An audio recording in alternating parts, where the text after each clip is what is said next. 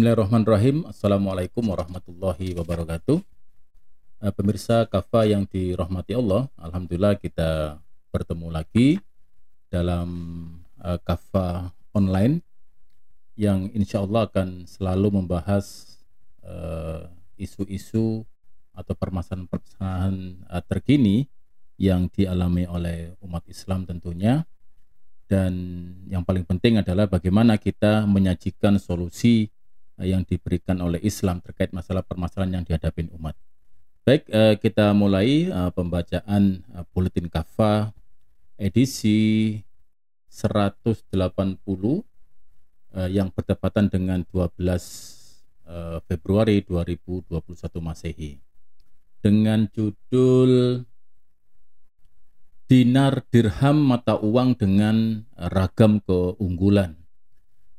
Beberapa minggu terakhir, uh, publik dihebohkan dengan beredarnya isu penangkapan salah satu penggiat pasar muamalah.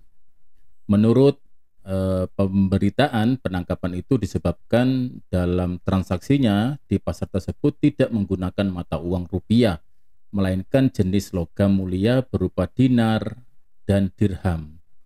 Baris Krim Polri menahan pegiat gerakan dinar dirham tersebut pada Selasa 2 Februari 2021 malam.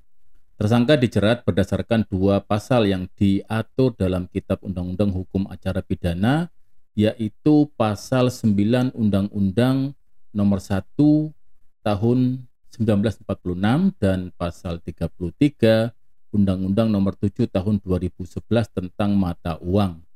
Dia terancam hukuman penjara paling lama 15 tahun. Apakah betul eh, dasar penangkapan ini karena transaksi tersebut bertentangan dengan regulasi yang ada? Ataukah yang ataukah ada muatan politik tertentu? Jika yang menjadi dasar penangkapan adalah karena penggunaan mata uang selain rupiah mengapa di beberapa tempat eh, perlakuan yang sama tidak terjadi? Seperti kita ketahui penggunaan mata uang asing terjadi di beberapa wilayah perbatasan juga di daerah yang menjadi pusat wisata. Hal itu sudah berlangsung lama dan tidak ada penindakan.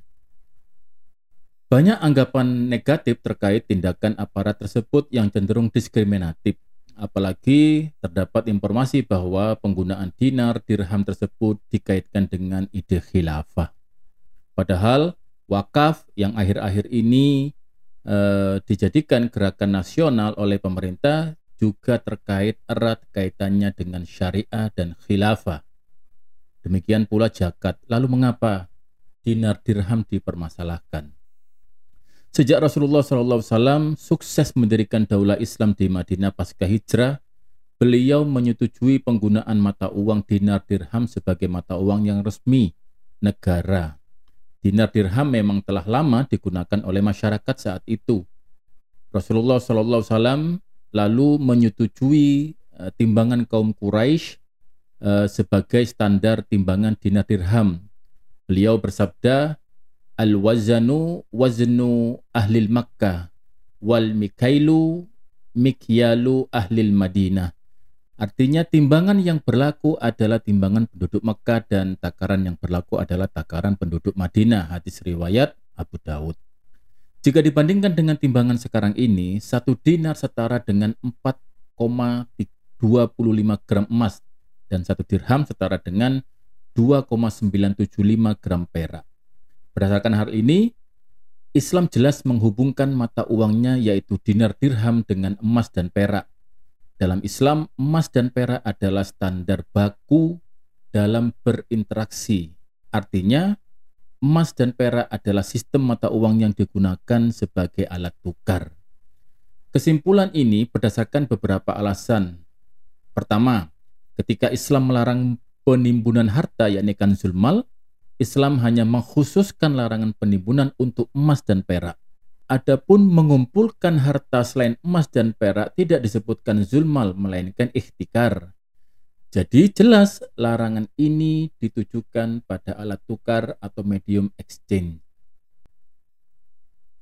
Allah Subhanahu wa taala berfirman, "Alladzina yaknizuna adh-dhahaba wal fiddah wa la yunfikunaha fi sabilillahi fabashshirhum bi'adzabin alim. Orang yang menimbun emas dan perak yang tidak menafkahkannya di jalan Allah, maka berilah beritahulah mereka bahwa mereka akan mendapatkan siksaan yang pedih. Surah At-Taubah ayat 34. Yang kedua, Islam telah mengaitkan emas dan perak dengan hukum-hukum yang baku.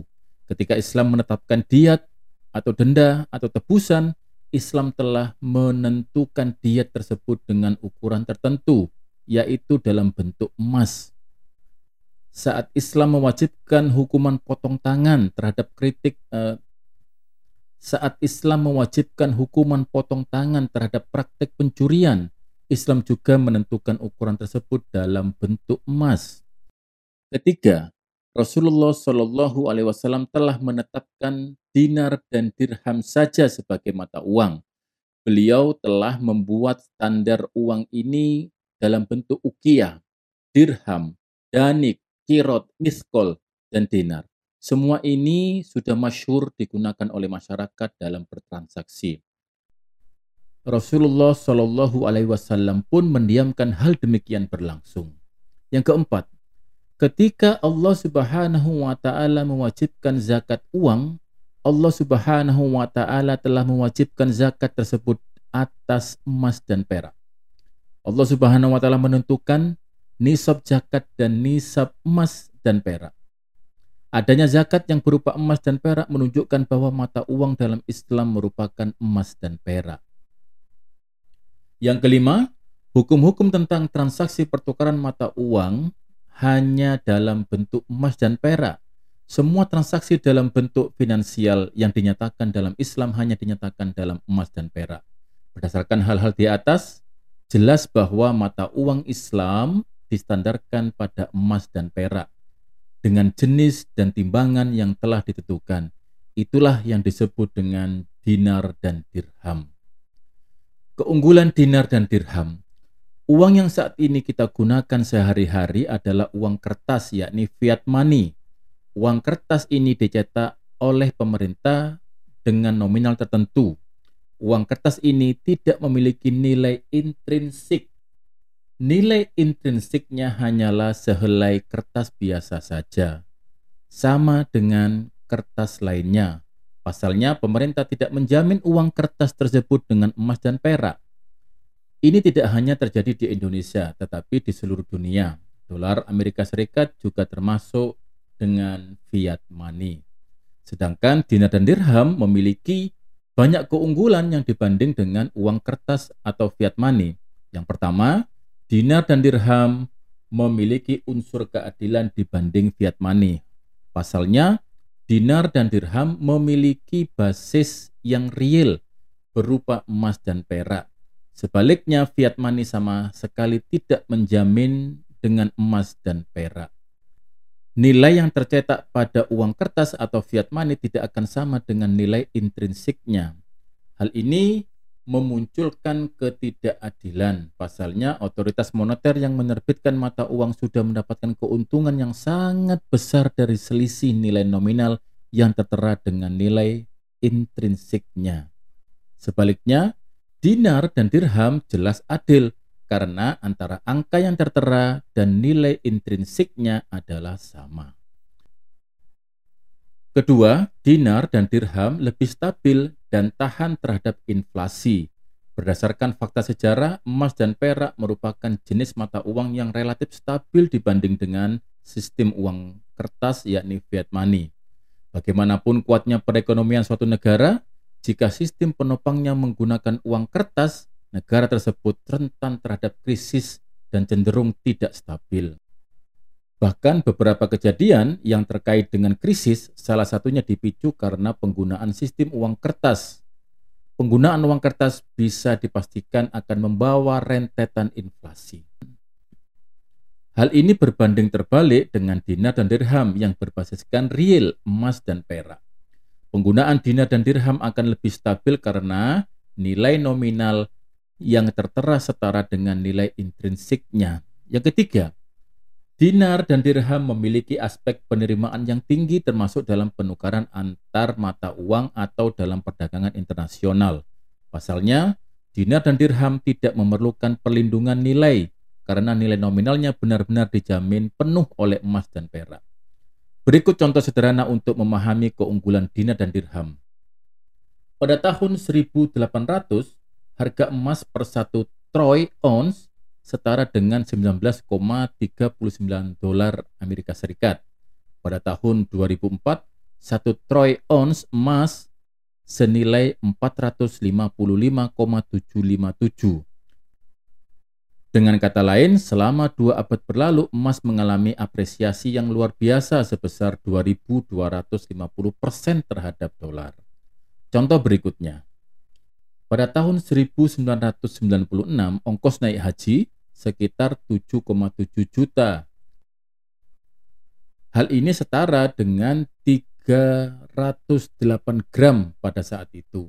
Sekarang, pada 2021, ongkos naik haji anggap saja rata-rata 40 juta.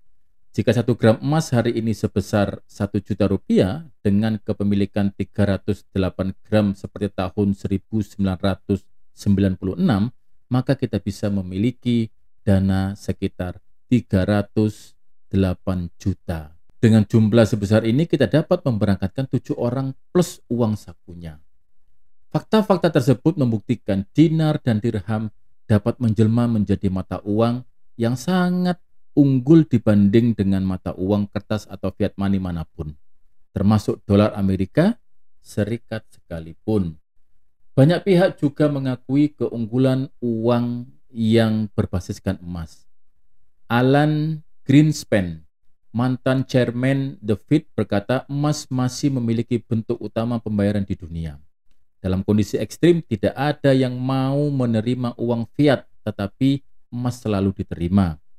Christopher Wood, seorang analisis emerging market CLSA, juga mengatakan emas adalah satu-satunya jaminan nyata terhadap akses-akses keuangan masif yang masih dirasakan dunia barat.